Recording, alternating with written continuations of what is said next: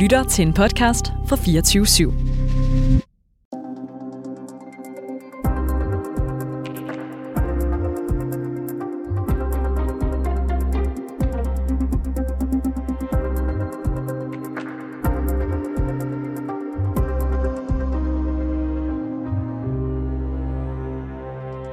O folket af islam i Sverige, Danmark og i resten af Europa.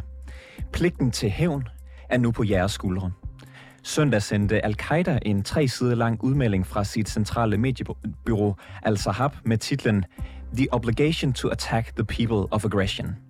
Koranafbrændingerne i Danmark og Sverige tale sættes som et koordineret angreb, og derfor er Al-Qaida glad for at se opstanden mod de to lande.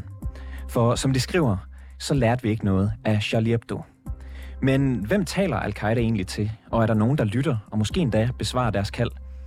Det spørger reporterne om i dag. Velkommen til. Mit navn det er August Stenbrun.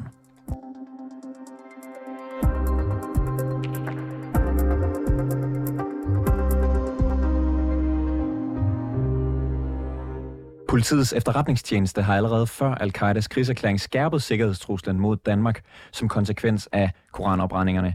Hans Jørgen Bonniksen, du er tidligere operativ chef for politiets efterretningstjeneste og har blandt andet lidt an under Mohammed-krisen. Velkommen til programmet. Tak skal du have. Så har du også øh, for nylig sagt, at et forbud mod koranopbrændinger var nødvendigt for Danmarks sikkerhed. Det er jo også øh, på vej. Hvad tænker du om, at al-Qaidas erklæring mod Danmark og Sverige? Først og fremmest vil jeg sige, at den skal tages alvorligt. Men min bekymring går mest på Ja, ambassadefunktionærerne rundt omkring i de muslimske lande, og ikke mindst også øh, de personer, som er udsendt af forskellige firmaer, som også befinder sig i de pågældende steder. Det er der efter min opfattelse, at risikoen er størst. Det er der, at man ikke har den, den styrke, som man, man i princippet har herhjemme, hvor vi er et transparent samfund, men derude der er det man på, på særdeles usikker grund, og det er så ensbetydende med, at man så at sige også er et let og oplagt mål. Så, så det er ude på ambassaderne, at der er den største trussel, og i virksomheder i udlandet. Hvad med herhjemme? Jamen, der vil jeg sige, at øh, den ligger jo på, på, på samme niveau, som den, den faktisk har gjort igennem mange år. Den blev jo skærpet her for, hvad er det, tre uger siden, hvor man, man gik ind og lavede bare en, så at sige, en verbal skærpelse, hvor man sagde, at nu skal man være, være, være, være særlig opmærksom. Det findes fem niveauer i, i Danmark. Vi befinder os på, på, på det fjerde, og for at komme op til det femte, der skal det faktisk være specifikke ting, som peger på, at det at vi står over for et angreb her nu, og den situation er vi heldigvis ikke kommet i endnu. Vi har men, jo så til gengæld uh, hørt al-Qaida nærmest lave en krigserklæring, som de offentliggør tre sider lang. Er det sædvanlig praksis for al-Qaida?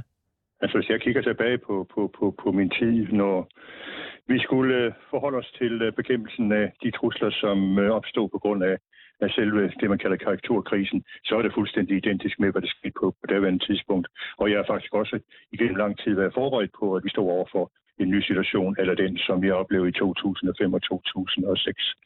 Og det appellerer selvfølgelig, og giver også ny vitalitet til, til Al-Qaida, som jo på, på sin vis har været presset i bund igennem mange år. Nu har de virkelig et redskab, det at man er forhåbentlig noget er det aller, aller heldigste for den, ligesom i sin tid med karikaturtegningen medvirker til, at man kan mobilisere uh, kræfter, som, som, som føler, at det her det er en ydmygelse dem, og så opstår det her had som en af ingredienserne i forhold til at forberede sig på en terrorhandling. Og øh, du har jo øh, selv bakket op om regeringens ønske om et forbud mod kor- koranopbrændinger, da du mener, at det her i sidste ende er et spørgsmål om sikkerhed og truslen mod Danmark. Men på trods af regeringens udmeldinger om et forbud, så får vi jo alligevel den her krigserklæring fra al-Qaida. Tog du og regeringen fejl, da I sagde, at et forbud vil være med til at mindske truslen mod Danmark? Overhovedet ikke. Efter min opfattelse er der i allerhøjeste grad medvirket til at øh, forsøge på at fortælle både øh, den befolkningsgruppe hjemme, som tilhører øh, det her mindretal, som er tilhængere eller som tror på, på, på islam, prøve på at komme i kontakt med dem og medvirke til at, øh, at tale fornuftens stemme. Og de lytter, det kan jeg forsikre jer for.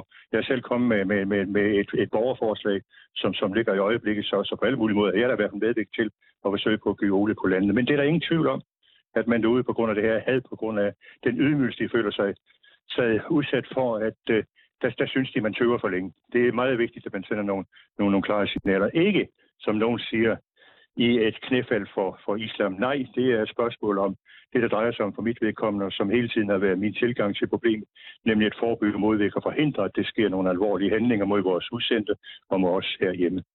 Men øh, på trods af, at øh, der ligesom er givet tilsavn om, at man vil lave et forbud mod det her, så kommer der jo alligevel den her trussel fra al-Qaida. Hvad er det så for nogle trusler, man kan stoppe ved sådan et forbud? jamen man kan da i allerhøjeste grad sende et meget, meget, meget klart signal til dem, at det her, det tager vi alvorligt. Det er ikke Danmarks holdning, at man, man så at sige går ud og krænker en religion på den der fuldstændig stupide hjernedøde måde med henblik på, på afbrændinger i Koranen, som jo udelukkende har til formål at provokere for provokations skyld. Det er ikke Danmark, det er nogle enkelte få fusentaster, som, som leger med, med vores sikkerhed. Det er meget klart signal, vil man sende i det øjeblik, man går ind og laver et, et, et forbud, som for eksempel mit forbud, det, det, det går på, at øh, at man øh, kigger på, at den der offentligt vandærer en trosamfund, og jeg tager alle trosams hellige skrifter, ved at ødelægge eller ved at, at øh, ja, bortskaffe dem på, på en sådan måde, at det kan betragtes som vandalisme, og så kan man give et år, op til et år, seks måneders fængsel. Det er der et redskab, man kan bruge, som er lige til at tage fat i her og, og nu. Men, men lovgivningsprocessen hjemme er jo langsommelig. Det tager jo ret lang tid for kronjuristerne i, i Justitsministeriets departement at finde ud af, hvordan man skruer det ordentligt sammen. Det behøver ikke være så kompliceret juridisk, og det behøver ikke være en krænkelse af vores allesammens ytringsfrihed. Så går det for langsomt fra embedsværkets side nu? Altså det mener jeg i allerhøjeste grad. Altså når man ser, hvordan og det er jo forventeligt ikke, at man ser, hvordan ikke alene koranafbrændingerne har eskaleret. Altså i søndags var der to afbrændinger i København, og på alle mulige måder så har spændingen jo været forøget på grund af, forskellige ting i, i, i verden. Så jeg synes faktisk, det går for langsomt, ja. Og nu, øh, nu taler vi jo så om det igen, fordi der er den her kriseklang fra al-Qaida, og her henvender de sig jo meget specifikt til personer i Danmark og siger, at hvad kan man sige, ansvaret for hævn er på jeres skuldre. Og tidligere i dag, der talte min øh, kollega Ale Amanali i sit program Alis Fæderland med Jakub Ali, der er tidligere medlem af en gren til al-Qaida, og de talte netop om, hvordan den her kriseklang vil blive opfattet af ekstremister i Danmark. Lad os lige lytte med et minuts tid du var jo det her miljø. Du var jo leder af det miljø i virkeligheden. Du var jo leder af Guide i Skandinavien, eller kan man sige det, eller Danmark, eller hvad? Danmark. Danmark, ja. Øhm, nu er du der jo ikke længere, men der sidder jo andre mennesker stadigvæk og er en del af det her ude i det danske mm. land. Øh, når de ser det her, det var det, jeg spurgte dig om, mm. tager de det så 100% alvorligt, eller kigger de på det og siger, om oh, det er godt, der sker noget, men vi skal sgu ikke ud og... Altså.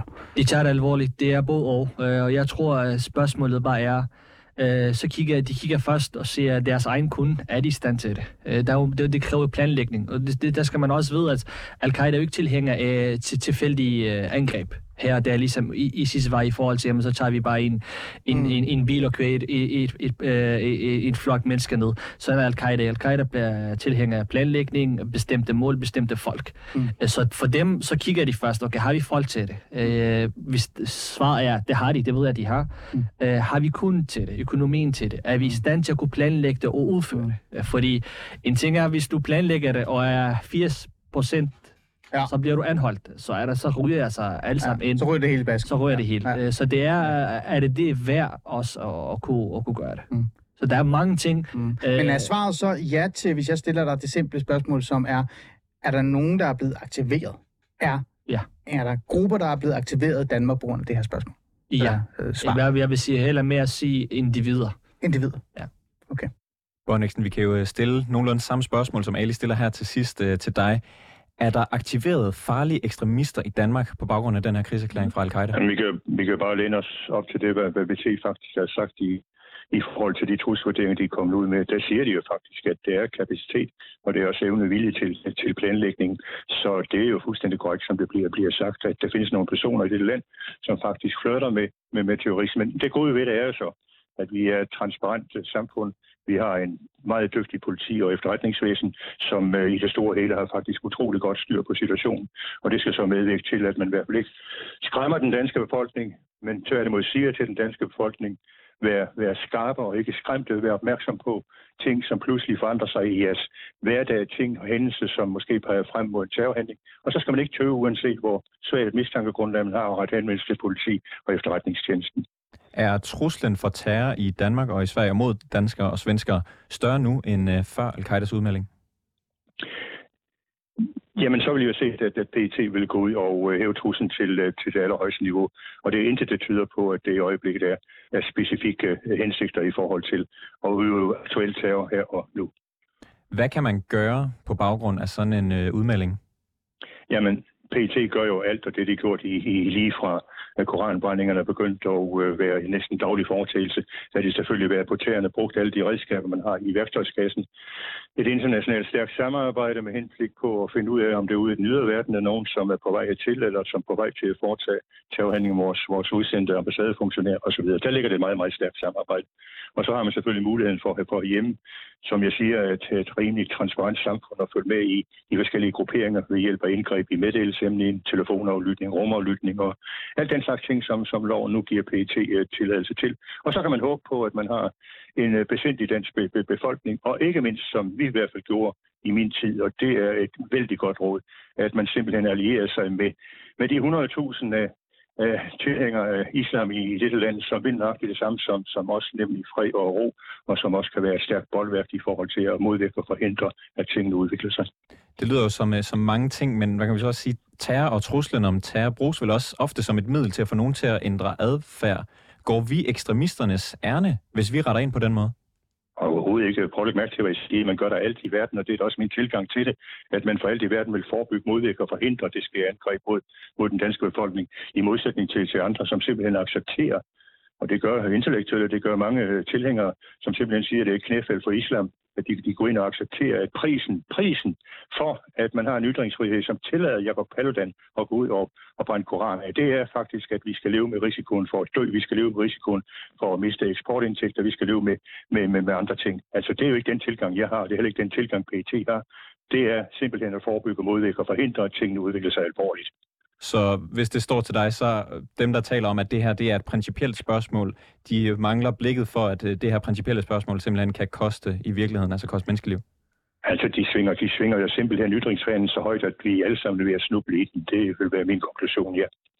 Hans-Jørgen Bonniksen, hvor, hvor, altså, jeg kender jo ikke lige de her hvad kan man sige, lovarbejder, hvordan man hurtigt kan komme igennem med det her forbud. Du sagde tidligere, at det ligesom går for langsomt ind hos Justitsministeriet. Altså, hvordan kan man komme hurtigt igennem med et? Hvordan kan man lave den her nålestiksmanøvre lynhurtigt, som du gerne vil have? Ja. Jamen, det kan da ikke gå, gå, gå så lang tid med, med de kronjurister, man har i Justitsdepartementet øh, til at, at udforme en, en, en lov, som både tager hensyn til, til at varetage vores ytringsfrihed, men som samtidig også sender et meget klart signal i forhold til, at det, hvad der foregår i øjeblikket med de hjernedøde aktiviteter, det accepterer vi ikke. Det forstår ikke tager så lang tid, og så kan man jo indkalde Folketinget, så kan man lave øh, lynhurtigt lovindgreb igennem de her tre, tre forhandlinger, som, som, som man skal have. Det mener jeg faktisk, at det situation, situations alvor øh, appellerer til.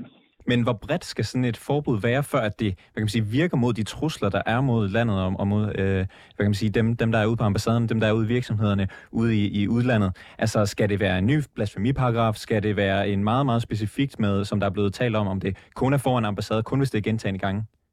Desværre er det jo tænkeligt, at man vil genindføre blasfemiparagrafen. Ikke? Det vil jo nok øh, give nogle, nogle øh, problemer i den regeringskonstellation, man har i øjeblikket. Men, men, men den, der, der vandede offentligt, øh, vores hellige skrifter, om det både er Koranen eller Toran, eller, eller for sin tages skyld øh, Bibelen ved at ødelægge og bortskaffe og beskadige den, jamen de bør faktisk sigtes for, for vandalisme og have bøde fængsel op til et år og seks måneder. Her er et lovforslag, som i hvert fald også giver politiet rig mulighed for at gå ind og intervenere og i stand til at løfte bevisbyrden i modsætning til måske meget, meget, meget komplicerede juridiske spilfægterier.